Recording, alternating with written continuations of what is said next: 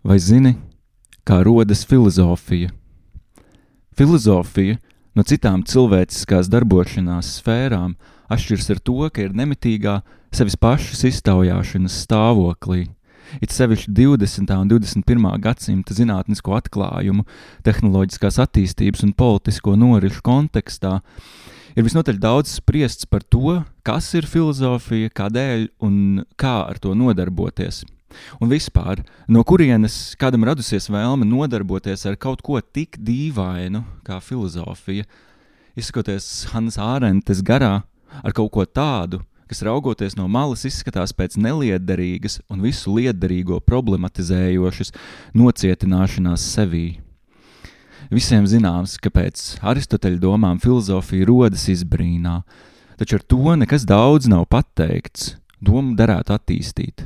Samērā interesantu un negaidītu priekšstatu var gūt, apsverot dažus motīvus Platona dialogos Ions un Faidrs.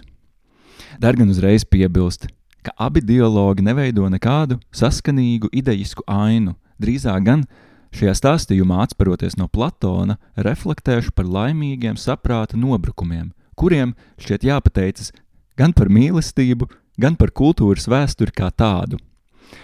Ionā Platons liek Sokratam koncentrēties uz zināšanas un iedvesmas nošķīrumu.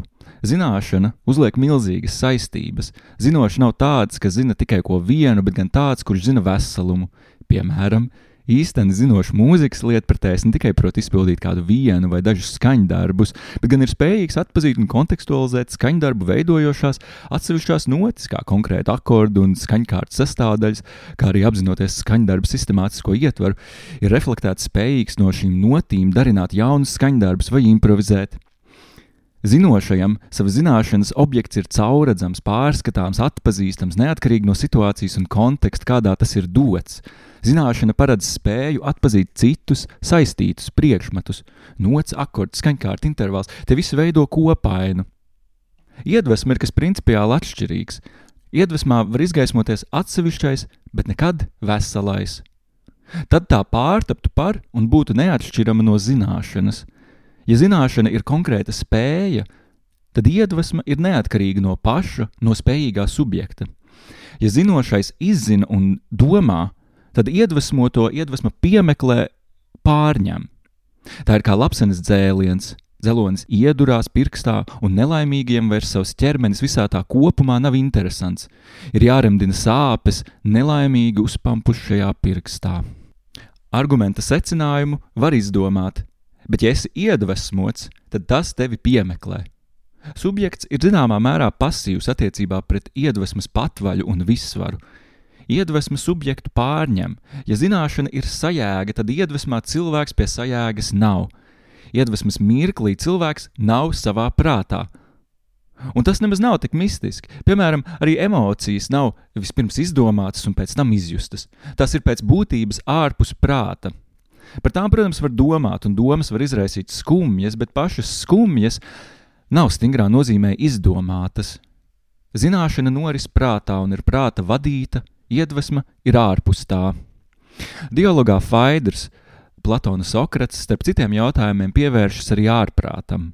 Par to iespējams runāt divās nozīmēs, kā par slimību un kā par dievišķu novirzi no ierastā. Starp dievišķajiem ārprātiem ierindojama dzēnieka iedvesma, pareģa iedvesma, mistēriju priesteru iedvesma un, protams, mīlestība. Starp citu, saka Platons, mīlestība ir vislabākā no ārprātiem. Citējot Platonu Sokratu. Patiesībā vislielākie labumi mums tiek caur ārprātu. Tiesa, ka tā ir dievu dāvana. Citāta beigas. Ja ārprātu var izprast arī šādā iedvesmas nozīmē, tad var pamatot jautāt Platonam, cik gan ļoti filozofija ir no tā attāla. Pati filozofēšana ir jēdzieniskas domāšanas norise, kas tiecas uz zināšanām. Tomēr tā ir nošķirama no motivācijas, it sevišķi no sākotnējās motivācijas nodoties filozofijai. Un tā nerodas izbrīnā vien, var izbrīnīties, piesēst, atvilkt elpu un no izbrīna attiet. Turpretī konstatē Karls Jaspers, filozofiska domāšana un izvaicāšana ir bijusi noturīga gadu tūkstošu gaitā. un filozofijas galu galā nerimstošais dzīvīgums šodienas pasaulē vedina domāt par labu tam, ka cilvēkam ir kāda neapmierināma filozofiska vajadzība, varbūt ziņa. Domāšana patērē daudz enerģijas, un Ārenta pareizi uzsver, ka tā reti kad sniedz kādu stingrā nozīmē lietderīgu rezultātu. Tas tā nemaz nav jādara. Un, uh, tomēr filozofiski jautājumi aizvien ir aktuāli. Pat ja filozofēt neviens nespiež, un bez filozofijas it kā naktī varētu pat labāk gulēt.